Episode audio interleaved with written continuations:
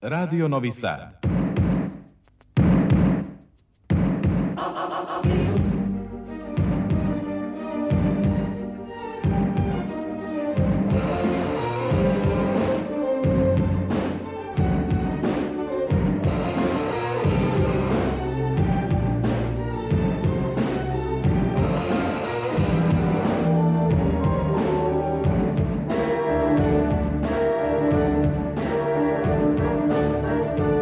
Spektar.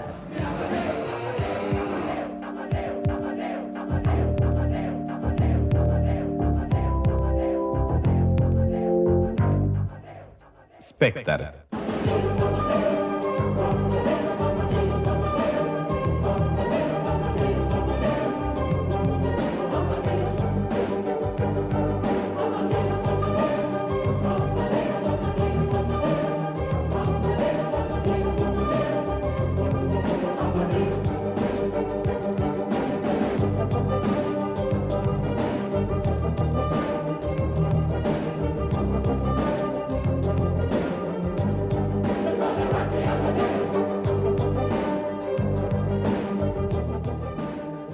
Dragi slušalci, dobrodošli u Spektar.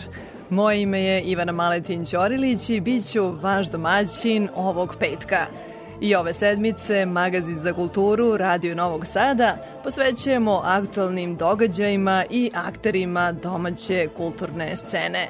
Još jedna dinamična nedelja je za nama, Ovogodišnja međunarodna nagrada za književnost Aleksandar Tišma uručena je Davidu Albahari u Matici Srpskoj za roman. Danas je sreda objavljen na nemačkom jeziku.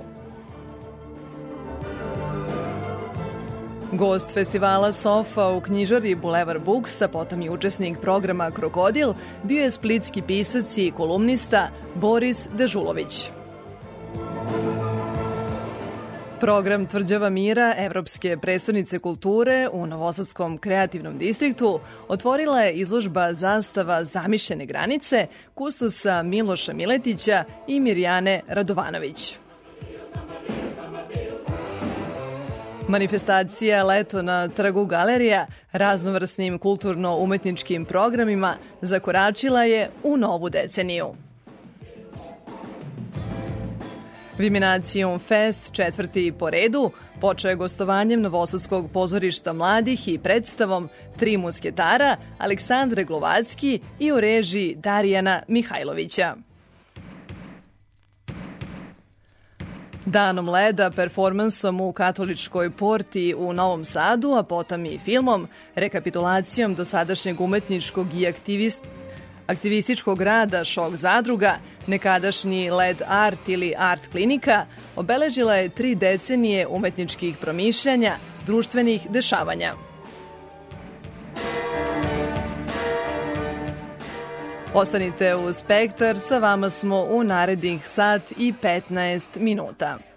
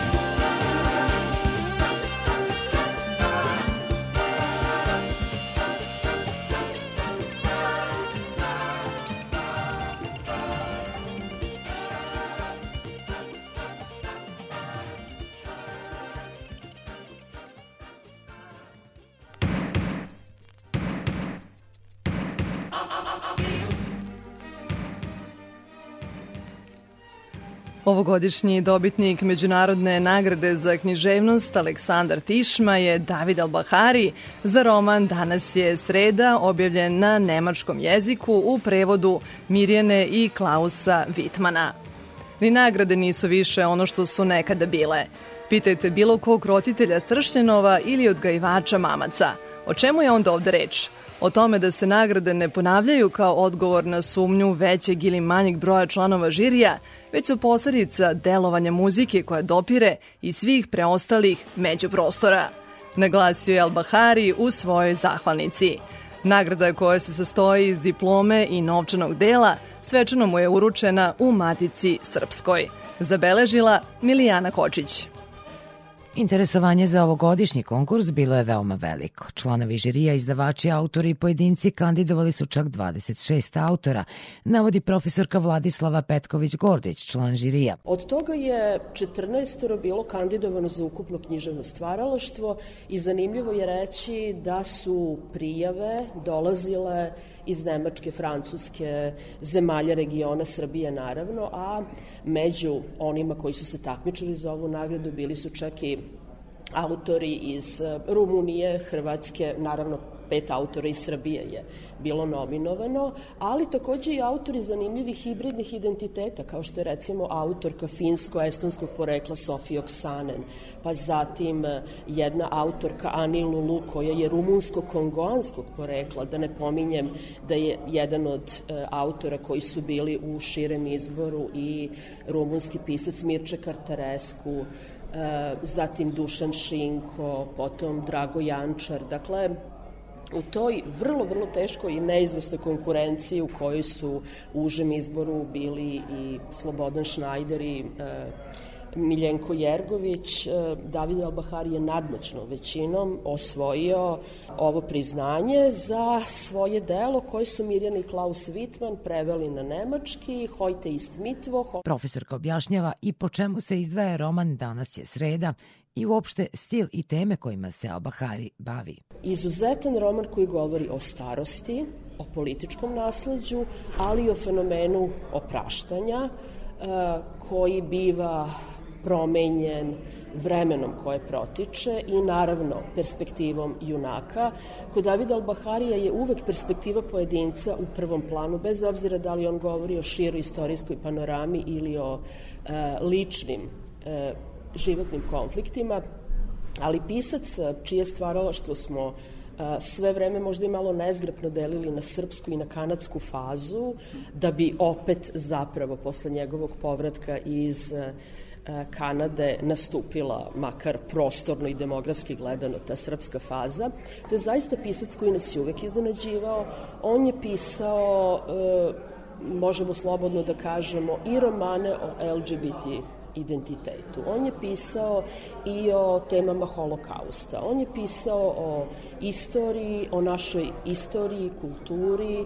On je pisao o ratu, On je pisao o nasleđu, roman Mamac koji je dobio Ninovu nagradu, jedan je od možda najsnažnijih romana koji govori o istorijskim previranjima i njihovim uticajima na život jedne porodice, ali Al-Bahari ne bi bio toliko značajan po svojim temama da njegovi postupci e, nisu toliko inovativni i snažni. On e, problematizuje beleženje iskustva, on problematizuje pouzdanost nas koji doživljavamo, sećamo se, osjećamo i govorimo i u toj njegovoj fascinantnoj veštini transpozicije ljudskog iskustva i u toj fascinantnoj veštini da prepozna koliko istina može biti višeznačna, on je zaista jedan od naših vodećih pisaca, pisaca koji je zaista u velikoj meri već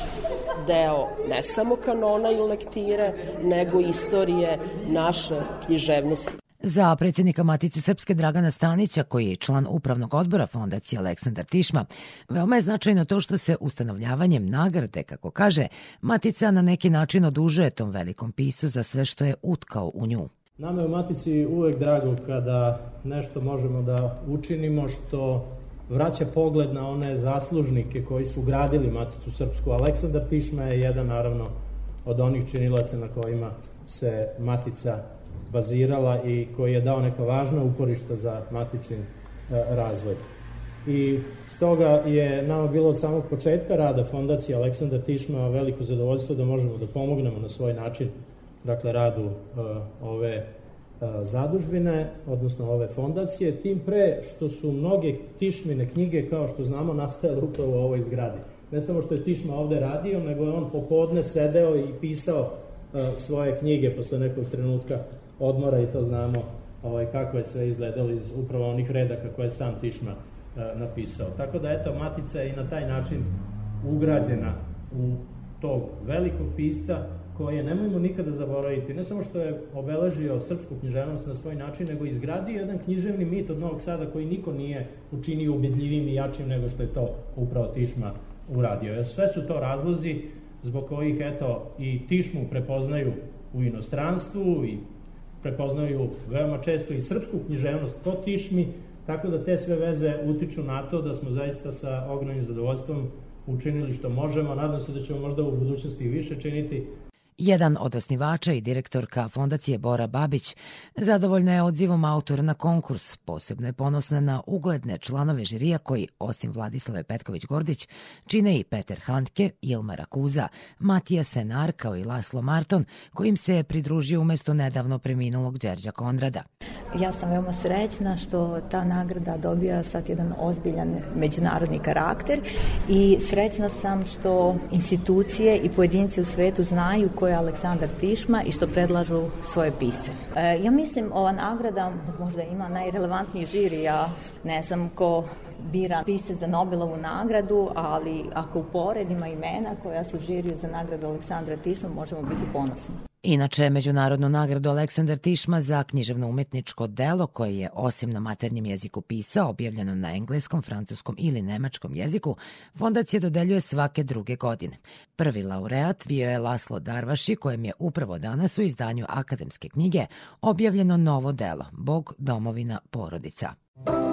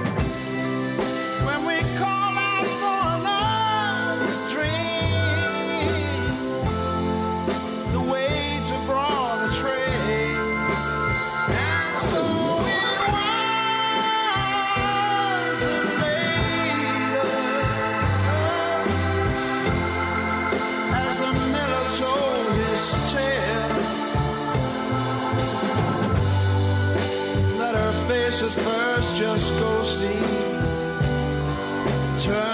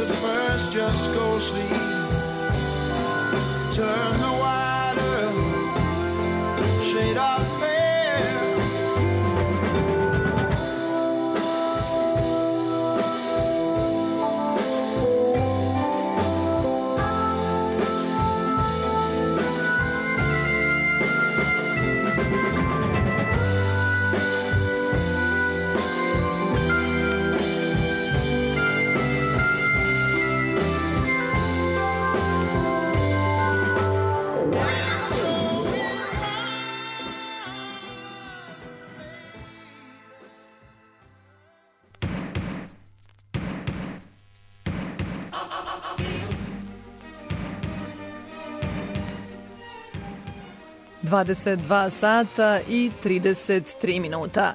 U Spektru, magazinu za kulturu, nastavljamo priču o književnosti. Splitski pisac i kolumnista Boris Dežulović gostovao je ove nedelje u Novom Sadu. Bio je učesnik festivala Sofa u knjižari Boulevard Books, a potom i novosadskog izdanja festivala Krokodil, koji je ove godine deo Evropske predstavnice kulture i tvrđave mira. Priča o knjizi Suma a teologije bila je samo povod za druženje sa brojnim čitaocima i poštovaocima, za fotografisanje i autograme. Slušate razgovor koji je u nekoliko ukradenih minuta sa Dežulovićem zabeležila Aleksandra Rajić suma teologije, suma ateologije, da, zašto zapravo ta parafraza ili taj jezički obrt onog čuvenog naslova Tome Akvinskog, u ostalom rekli ste sinoć i da čitate ovih dana intenzivno Tomu Akvinskog. Mislim, što je to zanimljivo da. u njegovom zapravo odnosu prema, uh, prema misli, prema mišljenju, prema metodu razmišljanja? Pa dobro, radi se o igri, naravno. Ne upuštam se ja u pretirano filozofsko promišljanje, jer ovaj, samo sam naslovom se naznačio kao nekakva e, nekakav kontrapost toj, toj ovaj, teologiji. To je samo igra riječi. Moj manifest čak nije ni ateistički toliko koliko je anti-kršćanski, antireligijski. Jel? Imam kratki esej o tome imali Boga, gdje ustvrđujem da ga nema i nema potrebe to dalje, da, da nisam imao potrebe dalje elaborirati. Nema se tu šta elaborirati, nečega čega nema. Jel? Ubeđeni ste da ne? Nisam ubeđen, nego znam. da, tako da ostatak knjige je zapravo je više antiinstitucionalni, bavim se zapravo crkvom, više nego Bogom, crkve koje nažalost ima i koja nam određuje određuje živote, evo već 2000 godine, jel, koje je to dosta uspješno, kao, kao jedan vječni, nepromjenjivi režim i to vrlo, vrlo nemilosrdan režim, tako da se zapravo više time bavim, a samim tim jel, Bogom kao idejom koja je alibi tog, tog režima kojim nas drži, drži u lancima. Da, ali ideja je, ako se ne varam, bila i da pod jednim naslovom, odnosno pod jednim načinom razmišljanja objedinite i svoje kolumne. Šta ovih dana radite, gde radite, otkuda zapravo potreba kolumnisti da i na ovaj način izađe e, pred svoje čitaoce? Dobro, to, to je moj, moj kontakt sa svijetom, moj kontakt sa ljudima. Ja, ja naravno, kao i svi ljudi koji pišu za javnost, potpuno svejedno ili pišu ljubavnu poeziju ili, ili uh, političke komentare, komuniciram sa ljudima, komuniciram sa svijetom. Imam potrebu kazati nešto i imam potrebu to kazati naglas. Imam potrebu uh, sa drugim ljudima uvjeriti druge ljude. Jel? Mi, kogod piše je najpametniji čovjek na svijetu. Milioni su najpametnijih ljudi na svijetu, jer, jer da nisam, onda, onda ne bih, onda bih čitao, ne bih pisao. Ja naravno i čitam i pišem, čitam druge najpametnije ljude na svijetu i, i u, toj, u toj komunikaciji, u razgovoru sa drugim najpametnijim ljudima na svijetu, jel, formiraš svoje stavove. Pokušavam tako i drugima iznijeti svoj stav i komunicirati s njima. Ponekad je ta komunikacija samo uh, na trafici, a ponekad i to bude jako lijepo, kao sinoć je to i uživo, jel, da, da vidiš. Naravno da ti je drago vidjeti ljude koji, koji te čitaju, koji vole to što radiš, to je svakome drago, svi smo negdje naš krvav ispod kože, naravno da, da volimo uz rijetke izuzetke ljudi koje, koje to ne zanima šta, šta poštujem. Volio bih doći do te razine, da te uopće ne zanima šta drugi misle. E, nisam daleko, ali ovaj ali naravno i dalje volim volim, a naročito volim kad je ljudima drago, kad se kad se ljudima sviđa, tako da Da, i sinoć vas je zapravo par stotina novosađana dočekalo na promociji ove knjige, odnosno na književnoj večeri. Kakav je vaš odnos prema njima? Neka dodatna odgovornost, potreba za komunikacijom, šta? Potreba za komunikaciju, da, dodatna odgovornost, pa čak i ne. Ja imam odgovornost prema sebi i to je sasvim, sasvim dovoljna jedna, jedna ovaj, velika, ogromna odgovornost koja bi zapravo, svako, svako bi trebao imati tu odgovornost, jel? jer ona uključuje i odgovornost prema drugima. Znaš, svi smo sebi najvažniji na svijetu, najviše se, jel, za sebe i bojimo i najviše sebe volimo i svi smo, znaš, ljudi smo, jel, odgovornost, ako imaš tu odgovornost prema sebi, a, a, a to onda znači, na primjer, odgovornost prema istini, jer a, lako je lagat druge, ali lagat sebe je najteže, jer znaš da, da lažeš, Ja, drugi možda ne znaju, ali ti znaš kad lažeš. Ne znate da pišete ako Tako lažete, je. E, da? tako da ta odgovornost je najvažnija jer uključuje i ovu drugu. Ako si odgovoran prema sebi, bit ćeš sasvim sigurno odgovoran prema drugih. To sinoć je bilo, bilo prekrasno i ja, ja sam rekao da zaista ne pamtim kad sam doživio takav, takav doček. Nije bila kurtoazija, zaista nije bila kurtoazija. Ne, ne, ja sam izdao potpisao jedno 300-400 knjiga, to je trajalo satima. I selfija Pa napravili. I selfija, to je, ja mislim više od, od, od kako se zove, ova, konstrakte. Tako da je, ovaj, baš sam bio ugodno iznenađen i- bilo je prekrasno, bilo je toliko dragih ljudi i, znaš, ima te male kemice, nećemo mi, ja i tih par stotina ljudi, mi nećemo promijeniti e, ništa, nećemo promijeniti svijet, nećemo promijeniti ni, ni Novi Sad, ako li Srbiju ili svijet, ali, ali neka mala, to je bio jedan mali oslobođeni teritorij, privremeni, eto, sinoć taj, taj komadić bulevara je bio slobodan teritorij, znaš, onda se tako to valjda i kapilarno malo širi. Nećemo, kažem, promijeniti svijet, nećemo ga preko noći, ali ćemo sačuvati sjeme za budućnost. Pa možda, znaš, možda jednog dana e, to. Ako i ne, eto, imalo je smisla samo sinoć. Nije ni to malo. E, sad ne biste bili to što jeste, ljudi se mogu slagati s vama, mogu polemisati s vašim stavovima iznetim u kolumnama, ali niko vam ne spori, dakle, sigurno jednu erudiciju, ako mogu tako da kažem, jedan vrhunski stil, pravi izbor tema i ono što se meni čini, a to je jedan e, odlično, fino baždaren, nepogrešiv etički kompas. E, sad ako ste rekli da ne verujete u Boga, dakle, taj kompas nije e, verskog, odnosno hrišćanskog, odnosno religijskog porekla, kakvog je porekla? Da je? Pa ljudskog, unutarnjeg. Crkva, religija, svaka, naročito naša kršćanska, a naročito naša rimokatolička unutar te kršćanske, one su uh, ukrale, usvojile i proglasile svojim taj etički kodeks. Znaš, i, onda, I onda se dogodi to da ti budeš recimo pošten, odgovoran uh, čovjek uh, koji osuđuje zločin, koji osuđuje kriminal, uh, koji to u Hrvatskoj radi na način tako da, da te zapravo više boli zločin počinjen u tvoje ime i onda kažu vi pišete samo o zločinima nad Srbima recimo mi u Feralu a, naš, a šta je sa našim e, djevojčicama ubijen, šta je sa našim ljudima ubijen, onda ja kažem prvo, prva stvar o našim žrtvama pišu svi u Hrvatskoj o ubijenim Srbima nije pisao apsolutno niko to je jedna stvar a druga stvar je ta ubijena srpska djevojčica i svi ostali ubijeni Srbi su ubijeni u moje ime to je meni, zato je to meni uh, uvjetno rečeno važnija tema. Naravno, svaka je žrtva ista i to je, to je smisao svega. Ali ako postoji razlika, onda je ta razlika. Oni su ubijeni u moje ime, jer sam ja administrativno Hrvat, onda znači, znaš, ubijeni su u ime uh, Hrvatske države, dakle i u moje ime, e, to ne dopuštam. Čine To ne da. dopuštam. E, onda je to kao, to je, to je kao uh, vrhunski etički princip, a onda je on samim tim kršćanski. I onda konkluzija je kao ti si veći vjernik od ovih drugih vjernika. Ne, nisam.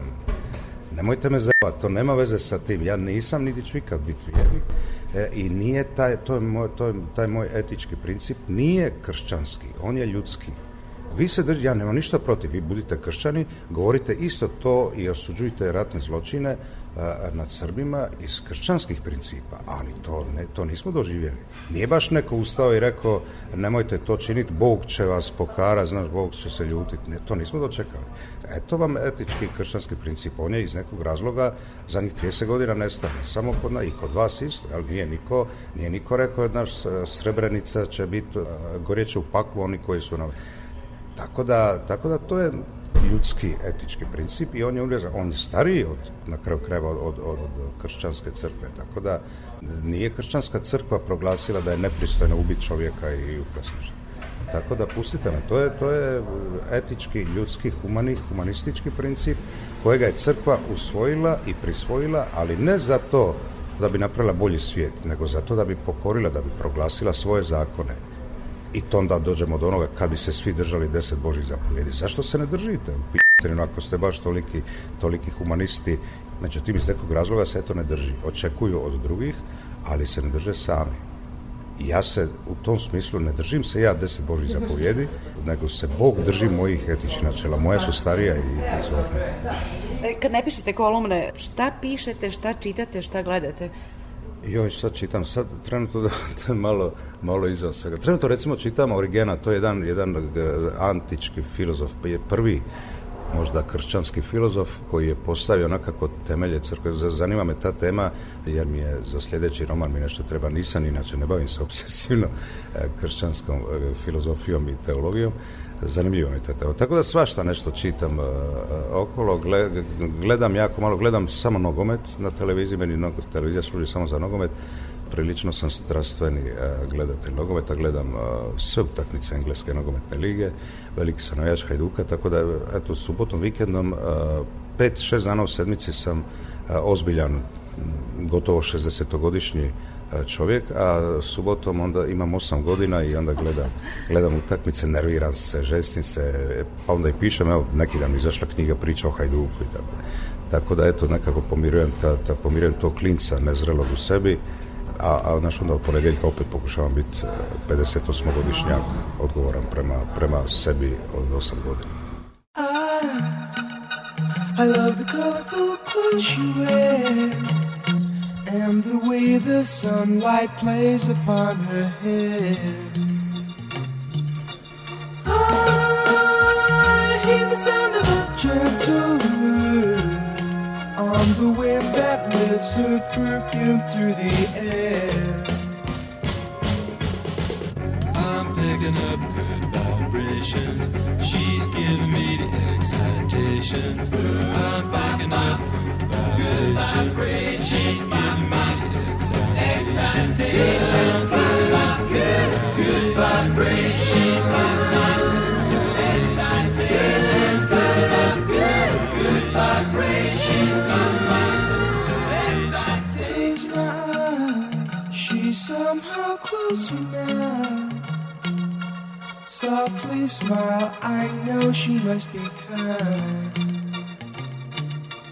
Woo!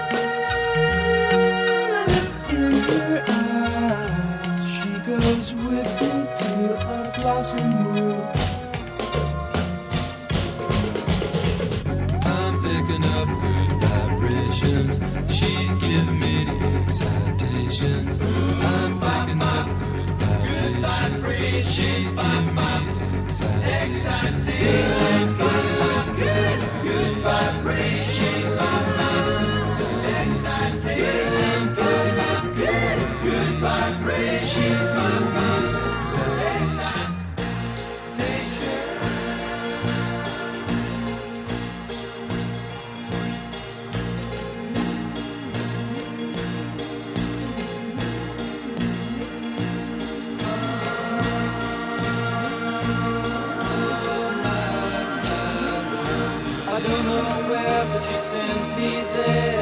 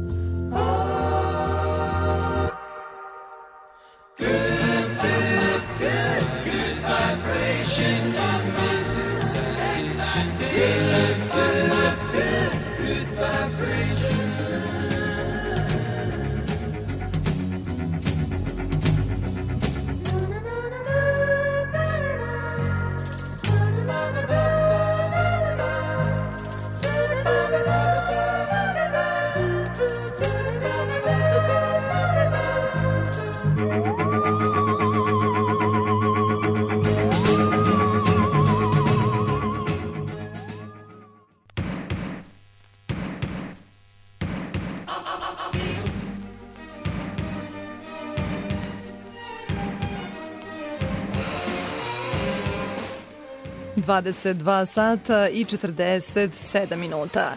U Spektru pažnju posvećujemo tvrđavi mira, novoj programskoj celini Evropske prestonice kulture. Naime, Novosadski kreativni distrikt postao je distrikt mira – U prostoru koji je u veku za nama bio simbol modernog industrijskog i alternativnog kulturnog razvoja, ali i velikih gubitaka, u sklopu programa Tvrđava mira Evropske prestonice kulture, otvoren je dijalog za aktuelne društvene i političke teme. Distrikt Mira otvorila je izložba zamišljene granice na Subinom platovu Limanskom parku kustosa Miloša Miletića i Mirjane Radovanović iz Kursa – Povodom te postavke, koja će trajati do 28. avgusta, razgovarala sam sa Mirjanom Radovanović, pa da poslušamo.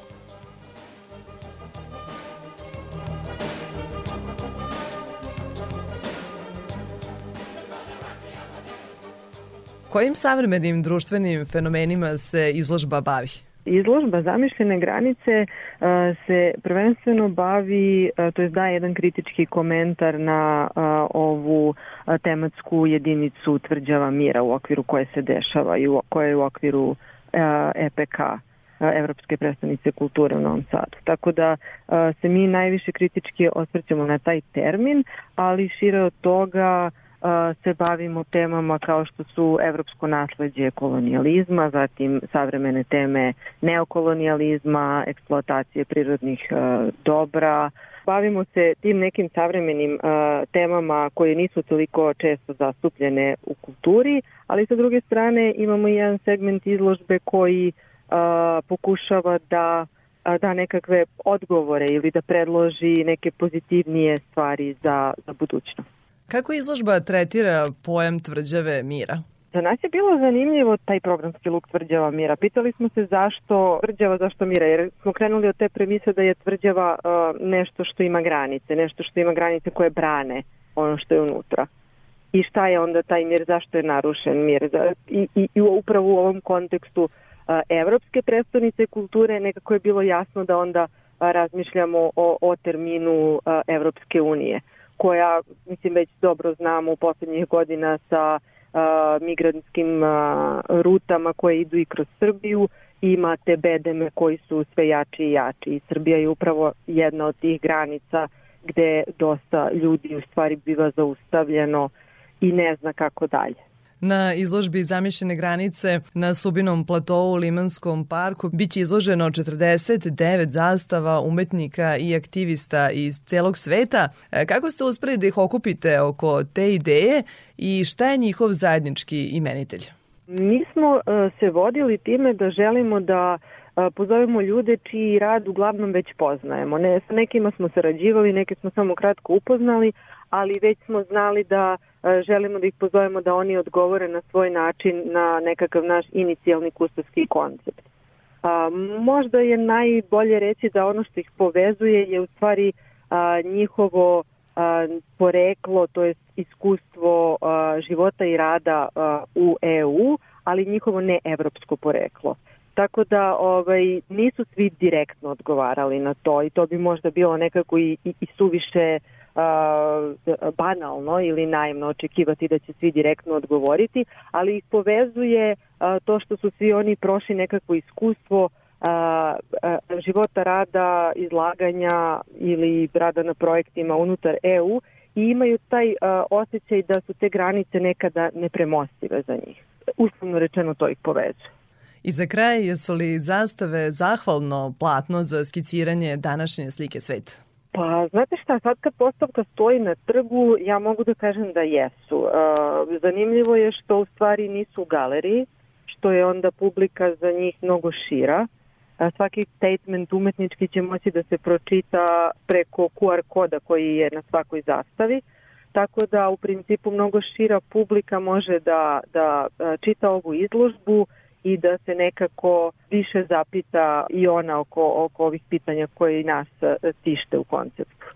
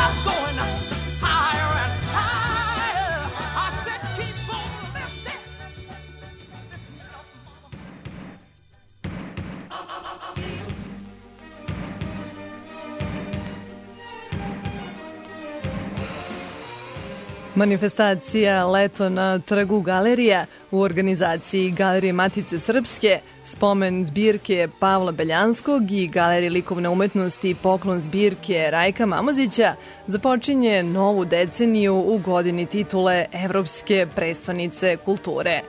Svakog četvrtka u vrtovima zdanja tri muzejske ustanove, kao i na samom trgu galerija, novosadska publika će do 25. avgusta moći da uživa u besplatnim kulturno-umetničkim programima na otvorenom.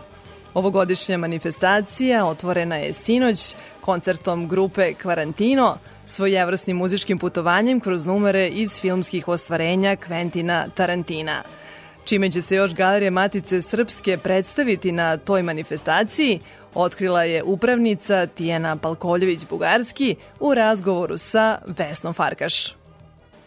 Od 23. juna do 25. augusta, još jedno leto u vrtu galerija, sa nama e, dr. Tijena Palković-Bugarski, upravnica Galerije Matice Srpske. I Tijena, šta je ono po čemu će vaša kuća, zapravo nekada mi se čini da ste zajedno domaćini sa spomen zbirkom Pavle Beljanske, iako je tu i galerija Rajka Mamuzića, šta je ono što će nam ostati u sećanju ovog leta, iako se ova manifestacija nije prekidala čak ni u vreme onih uh, strašnih vremena, odnosno za prvo vreme pandemije koju još nismo ni odjavili. Apsolutno, da, mi smo se trudili da nekako ovu manifestaciju kao jednu lepu, vedru i zabavnu manifestaciju letnju u Novom Sadu održimo u svim vremenima i sva je sreća što se ona, ona je namenjena da se odvija u kako kažem, na otvorenom prostoru, ispred galerije, u vrtu galerija, na trgu galerije i da nekako promoviše prostor trga galerija kao jednu važnu kulturnu tačku grada Novog Sada koja treba da bude mnogo više od onoga što danas jeste, to je parking na trgu galerija, već naprotiv težimo da kroz naše programske aktivnosti mu ukažemo na to da treba od grada teži tome da se ovaj parking transformiše u park i budući da Novi Sad jeste Evropska prestonica kultura ove godine, činilo nam se i da naša programska opredeljenja treba da ide u tom pravcu i da iskoristimo ovu godinu da predstavimo one umetnike koji su najbolji ambasadori grada Novog Sada u Evropi kroz svoje stvaralaštvo i da istovremeno prikažemo njihovo stvaralaštvo novosadskoj publici, da ih publika upozna, da ih da vidi i njihove stvaralaštvo, ali i njihove ličnosti, šta je ono što su njihove interesovanja, šta je ono što im okupira pažnju i na koji oni način promovišu grad Novi Sad na Malti, u Pragu ili u Parizu. Tako da mi ove godine predstavljamo fotografsku umetnost Dušanke Malešević, predstavljamo Igor Antića, našeg čuvenog slikara koji stvara u Parizu i predstavljamo stvaralaštvo Peć Đakovića i možda više čak njegovu ličnost, pošto on jeste jedna, da kažemo, renesansna ličnost koja će na svojej promociji svirati i pevati i ovaj, govoriti o svom slikarstvu. Tako da smo mi ove godine posvetili program novosađenima koji žive u evropskim prestonicama. Kada pogledate iz prizme vaše galerije, da li ste shvatili da zapravo e, mnogi novosađeni i svaki novosađeni možda već zna da jeste stanovnik Evropske predstavnice kulture? Ja mislim da jeste i ja mislim da ono što je mnogo važnije jeste da su novosađeni na to ponosni I ono što mene uvek raduje jeste kada me ljudi zaustavaju na ulici pitaju kad će početi leto u vrtu jer su, ili na trgu, jer jednostavno to su neki sadržaj koji su potpuno imaju drugi karakter u odnosu na otvaranje izložbi, na predavanja, na prateće programe. To je nešto što publika u Novom Sadu zaista voli, što im ispunjava letnje večeri na kvalitetan način i mi se radujemo što možemo da budemo deo tog života lokalne zajednice na taj način i da pružimo nešto što jeste pravi smisao umetnosti, a to je jedno uživanje u svim čulima.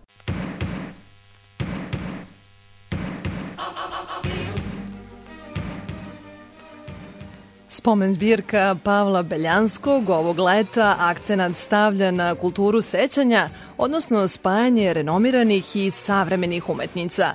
Istakla je upravnica Milana Kvas upravnica spomene zbirke Pavle Beljanski. Gospođo Kvas, kažete nam čime ćete se vi kao vaša ustanova uvodnog razgovora vi ćete se negde oslanjati na ono što već postoji i koji su renomirane umetnice i na savremene. Nekako ćete vezivati, bar bi trebali da znamo i nešto što su novi. Tu neku korespondenciju, Tako je. E, mi smo ove godine u okviru programskog luka Heroine želeli da predstavimo vrednost naše kolekcije koja je jedinstvena po tome što četvrtinu dela u zbirci čine dela naših najpoznatijih umetnica 20. veka.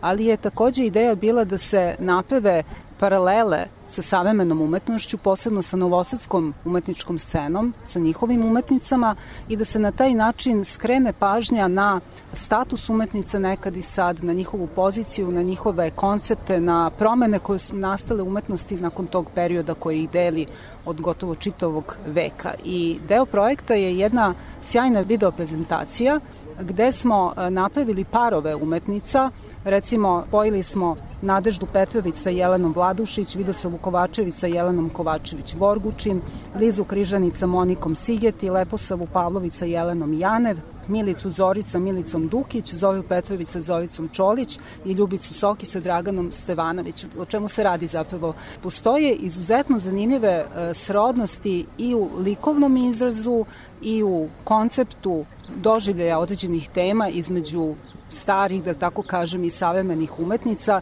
i e, u toj video prezentaciji su izabrani radovi iz naše kolekcije i radovi savremenih umetnica da se prosto dolazi do toliko do izražaja paralelizam razmišljanjima umetnica da smatramo da je to jedan vrlo zanimljiv početak i jedna prilika da u našim budućim programima možda organizujemo i izložbe tog tipa gde ćemo na taj način e, napraviti tu vrstu komunikacije između prošlog i sadašnjeg i na više animirati publiku da shvate koliko se neke vrednosti umetnosti prenose u kontinuitetu na one koji tek sada stvaraju i koji nastupaju. U tom smislu mi ćemo na tu letu na trgu galerija sa urednicom te video prezentacije, Suzanom Vuksanović, smo organizovali da ona upravo bude ta koja će voditi razgovor sa tim umetnicama, pričati o njihovim heroizmima, o njihovom statusu, o tome na, na kakve one prepreke i probleme i na kakve, kakve uspehe doživljavaju u ovom društvu, a posebno sa akcentom na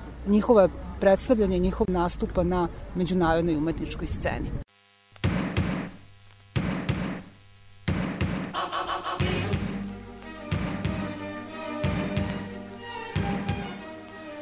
Za kraj Galerija likovne umetnosti i poklon zbirka Rajka Mamozića obogatit će leto na trgu galerija sa tri programa. Najavio je upravnik te ustanove Vladislav Šešlija. Ovo leto, što se tiče e, galerije Rajka Mamuzića, koliko sam shvatila dva koncerta i jedan, e, ne, jedan putopis. Zapravo jedan koncert, to je Bad Week novosadski bend u kome su tri člana. Jedan od njih je naš kolega slikar, pa smo ga tako i našli preko, pošto smo razmišljali šta bi to bilo zanimljivo za novosađene. Oni su ga gledali sigurno, ljudi koji prolaze gradom vide njih kad sviraju, ali ovo će biti možda još zanimljivije da se vidi kako oni izgledaju na sceni i tako. Dakle, ulični muzičari. Ulični svirači, da. Jedan od njih se zove Jajić je prezime i mislim da mu je street slikar i tako dalje i on je slikar i sestra i tako dalje i tako smo ih našli. A ova druga dvojica sad ne znam imena, ali su isto, odlični su momci, zaista onako raspolože. Čak i one koji ne slušaju blues, mislim da zastanu i da slušaju kako, kako oni to lepo rade. To je program koji će biti 11. avgusta, a ovaj prvi naš program je 4. avgusta gde će doktorka Branka Kulić i Robert Čoban razgovarati o dvorcima Vojvodine. O potrebi da se revitalizuju, da se u krajnjoj liniji čuvaju bar u sadašnjem stanju, a ako može i da se... Jer samom tom pričom će se stvoriti možda neki uslovi da neko malo više pažnje obrati na to neko nasledđe naše tih letnikovaca, dvoraca, kojih je dosta u Vojvodini. I treći program je 18. augusta, gde će doktorka Bojana Kovačević Petrović govoriti o Meksiku. To je onda zapravo ono što sam rekao, dva programa koja su više onako okrenuta nekoj priči. A ova je opet okrenut toj publici koja, ja mislim da bi više, bolje bi bilo da smo dva programa napravili muzička. Ali nema veze, ovo je isto zanimljivo. Bude lepo, bude lepo uveče kad malo mine ona toplota letnja i ljudi dođu baš onako rasterećeni. Imamo jako lepo dvorište i treba ga iskoristiti, ne samo kad je ovo leto na trgu galerija, nego, nego inače od maja do, do, do septembra je lepo vreme, čak do oktobra.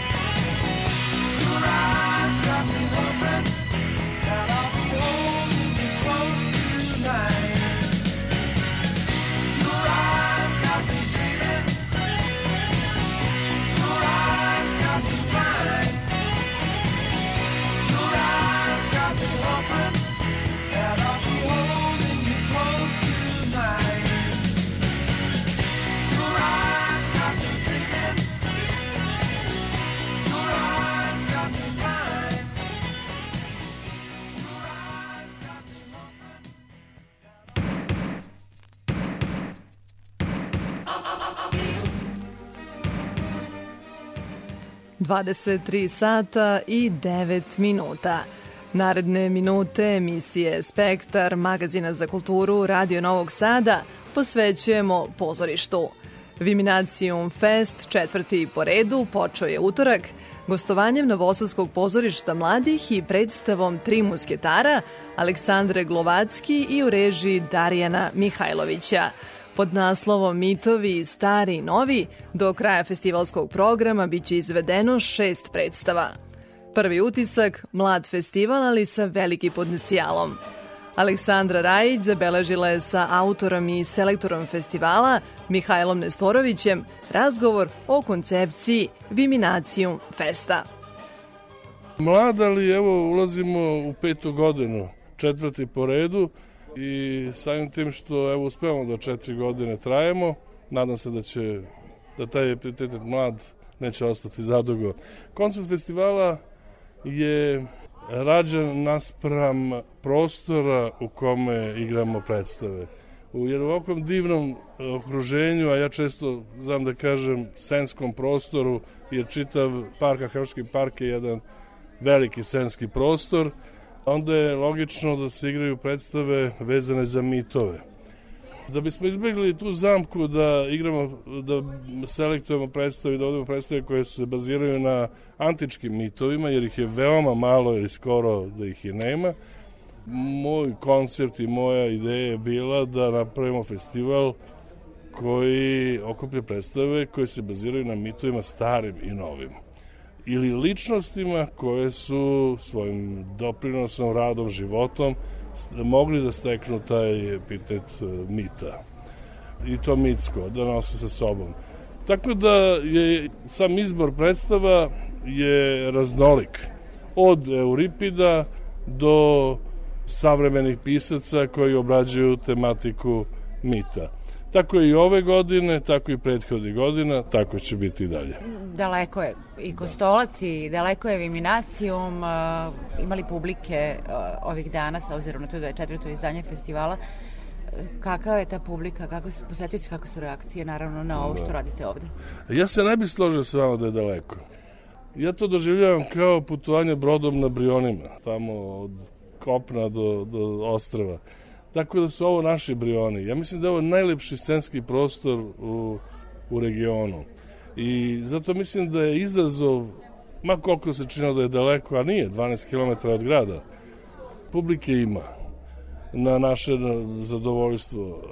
Publike ima, ja se nadam i očekujem, ja ne mogu da znam kakav je odaziv publike, jer se bavio time, tom vrstom statistike, jer sam imao druge poslove ovde, ali ja očekujem večeras jedno hiljadu i pol ljudi na otvaranju festivala i na predstavi Tri musketara.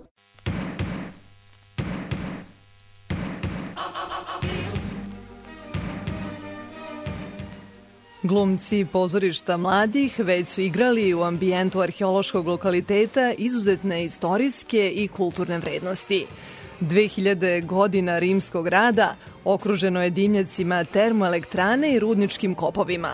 Usred tog predela na ruševinama nekadašnjeg amfiteatra danas je drvena rekonstrukcija nekadašnje arene vrhunski prostor za ambijentalni teatar. Glumcu Danilu Milovanoviću nije prvi put da izlazi pred publiku Viminacijum Festa. Ovu predstavu nismo igrali u ambijentalnom prostoru, igrali smo je na sceni pozorišta mladih, ali evo, prošle godine smo imali priliku i čast da igramo kosu. To je bio jedan veliki poduhvat, ali mislim da u, u ovakvom ambijentu oživeti takav prostor pozorišnom predstavom, da je to neki fenomenalan spoj. Mislim da prvo ljudi koji, koji dolaze iz Požarevca, iz okoline, ima ljudi koji dolaze iz raznih strana, tako da ovaj festival dobio ovaj, na popularnosti. I mislim da to je sjajna prilika da, da se ipak nekako iskoriste ovaj potencijal koji ovaj prostor nudi i znam da se svi oduševe kao i mi učesnici, ovaj, tako i, i ljudi koji dođu, jer i to ima neku čar zato što igrate na nekom lokalitetu zapravo koji je eto tako do pola iskopan, zaboravljen i mislim ne kažem da se ne radi na tome, ali prosto sredstva ovaj, nisu sigurno dovoljna.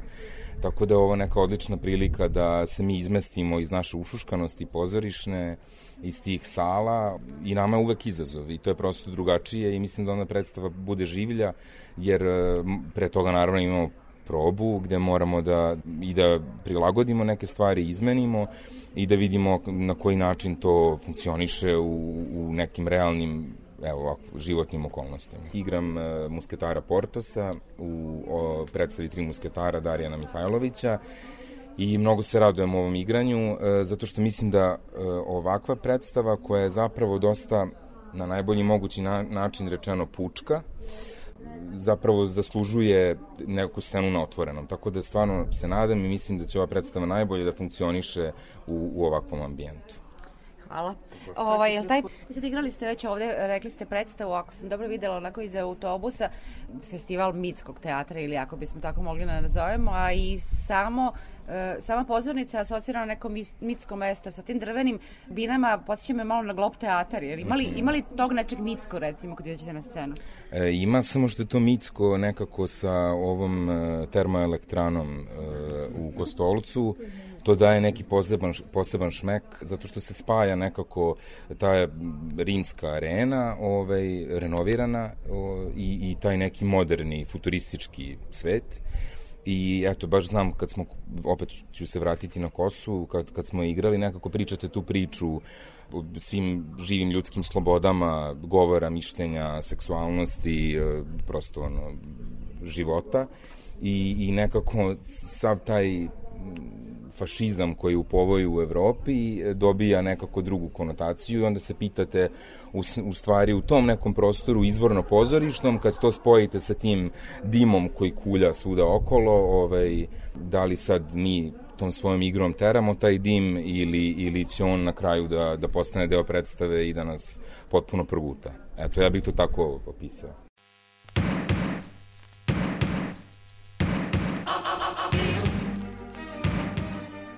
Viminacijum Fest traje do 27. juna, a o nagradama Viminacijum Maximus za najbolju predstavu i Zlatna fabula za najbolje glumačko ostvarenje odlučivaće Lepomir Ivković, Aleksandar Milosavljević i Miloš Latinović.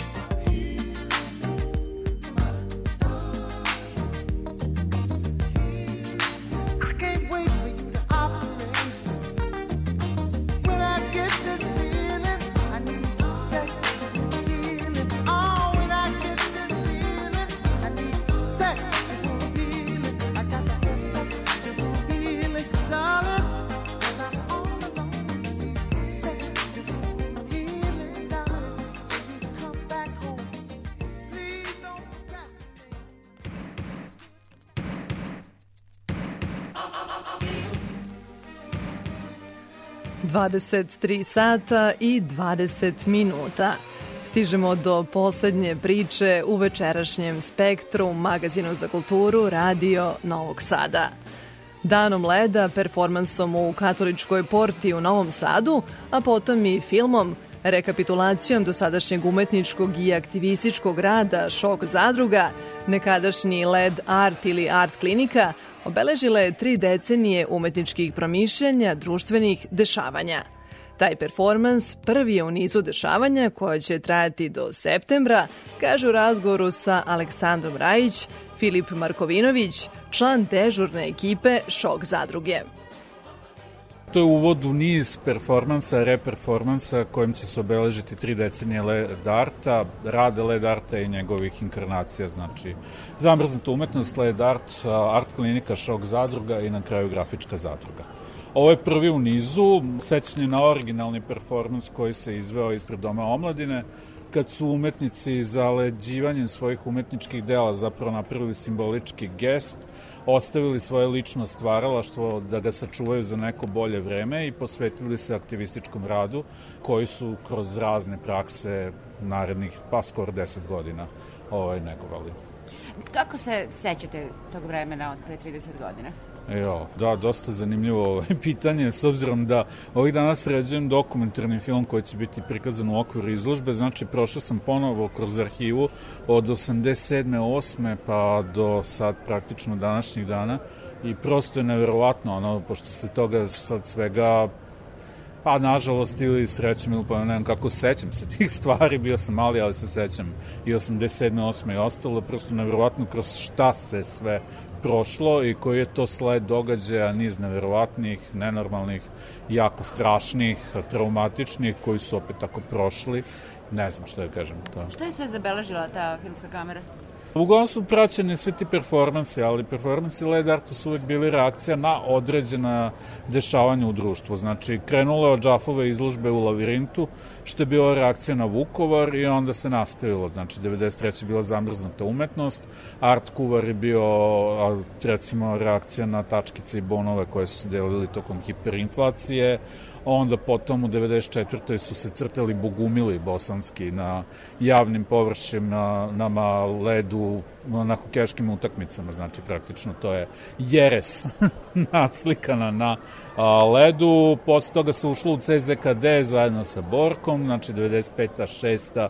su bili performansi u okviru CZKD-a, tu je bila stolica, javno šišanje, jesenje dekontaminacije, predstava zli dusi, još mnogo toga, opasuljivanje, posle se toga izašlo, pa se potom bacilo sindikalnim radom, što je rezultiralo performansom ikonomahija, gde su uništavana umetnička dela kao upozorenje na loš položaj umetnika, nakon čega smo došli do toga da budemo bombardovani, pa se onda radio Novosadski suvenir i na kraju kao kruna tog prvog dela, i to je poslednji zapravo i film koji će biti prikazan večeras, je Kunstlager, To je baš na ovom mestu u Katoličkoj porti bilo izvedeno 2000. 29. februara, gde su se svi ti performansi a, sklopili na jedno mesto. Tu se negde zaključio taj prvi period, pošto je posle toga nedugo došlo do promene, ili smo bar mislili da je došlo do promene, ali onda je krenulo drugačije da se deluje i radi. Ti artefakti su, jel da, ostali zabeleženi uglavnom samo u tom nekom dokumentarnom materijalu, na filmovima, na fotografijama. Šta je sa stolicom? Gde je stolica? Stolica, to je možda pitanje za Džafa, stolica je imala neki čudan put. Ona je krenula iz Beograda, pa je bila u Novom Sadu, pa je bila u Kragujevcu, pa je onda učestvovala u studentskim protestima, pa je policija uklonila, pa su je pronašli radnici, ja, ovaj, gradske čistoće su se javili da imaju stolicu, pa su je popravili i onda na kraju, ja mislim da, je, ovaj, da su na kraju zaista ono, pokupila policija i više niko ne zna trag, tako da zanimljiv sled. A umeđu vremenu se na stolici, pod stolicom, oko stolice, dosta toga desilo.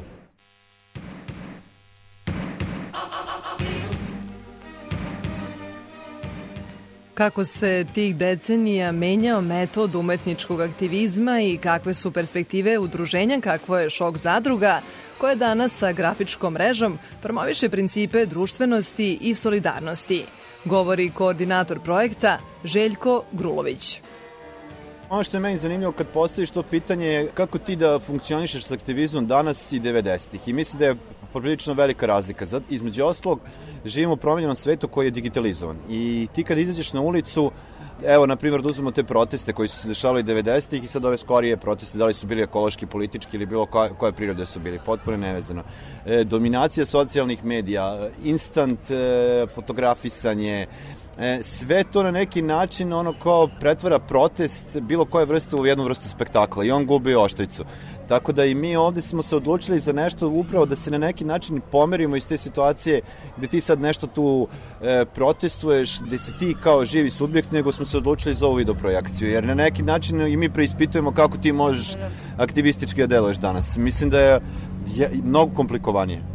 I s druge strane, ovaj, 90. su bile negde mi se čini ono kao, kao neko ko je tad nije imao ne znam sad koje godine, ali je ipak imao neku svest, ajde kažem čak već nekog političkog subjekta gde se sticao i pravo da, da izađeš na izbore, recimo krajem ovaj, 90. početkom 2000-ih, čini mi se da, da, da si ti tu negde ono ko imao neku jasnu podeljenost, postojala je neka mračnija strana i svetlija strana i postojale su neke uloge koje su ti bile jasne. Danas to više ne postoji. Da, da. Potpuno je drugačije vreme i, i koristiti iste strategije i iste metode je nemoguće i čini mi se da ovaj, društvo danas očekuje da se desi nešto što se desilo 2000-ih pa 2010. 2020. to je 30 godina razlike i sve, sve je drugačije. Tako da i, i umetničko i aktivističko funkcionisanje treba da po, postane drugačije. Ja mislim da mi na neki način rekapituliramo i završavamo jednu etapu i pretpostavljam da je u našem delovanju sledeće godine će doći jedna vrsta hibernacije, pretpostavljam, jer mi trebamo da sednemo sami s ovom i da vidimo kuda dalje. Da, ali za drugarstvo ovo ima smisla. Ima smisla i vaša galerija i grafički, grafička mreža. Pa, apsolutno mislim da dolazi vreme da čini mi se da to što smo mi radili sve ovih 30 godina počinje da sazreva i da dolazi vreme da, da definitivno da čitav ovaj sistem koji nije samo kod nas, nego u celom svetu, da ja mislim da dolazi pred jednu liticu koja je vrlo opasna i da čini mi se taj povratak društvenosti, ali društvenosti koja nije društvenost koja se zamišljala 50-ih, 60-ih, već nešto sasvim novo, dakle, koja mora da se sebi, sebi sadrži da, da. organska, ekološka, društvena, a samim tim politička, e, potrebno je nešto novo. Mi ne znamo šta je to i nije umetnost ni ta koja će da daje neka gotova rešenja, ona može da anticipira, ali ne može da vam ponudi neki ono ko šablon koji ćete moći primeniti.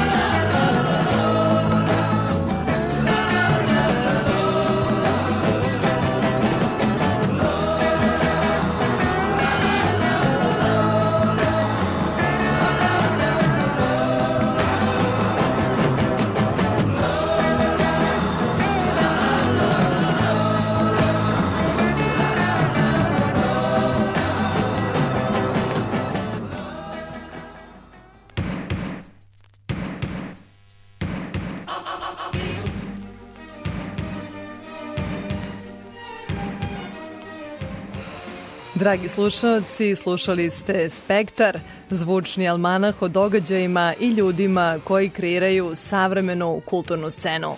Moje ime je Ivana Maletin Ćorilić i želim vam ugodan vikend.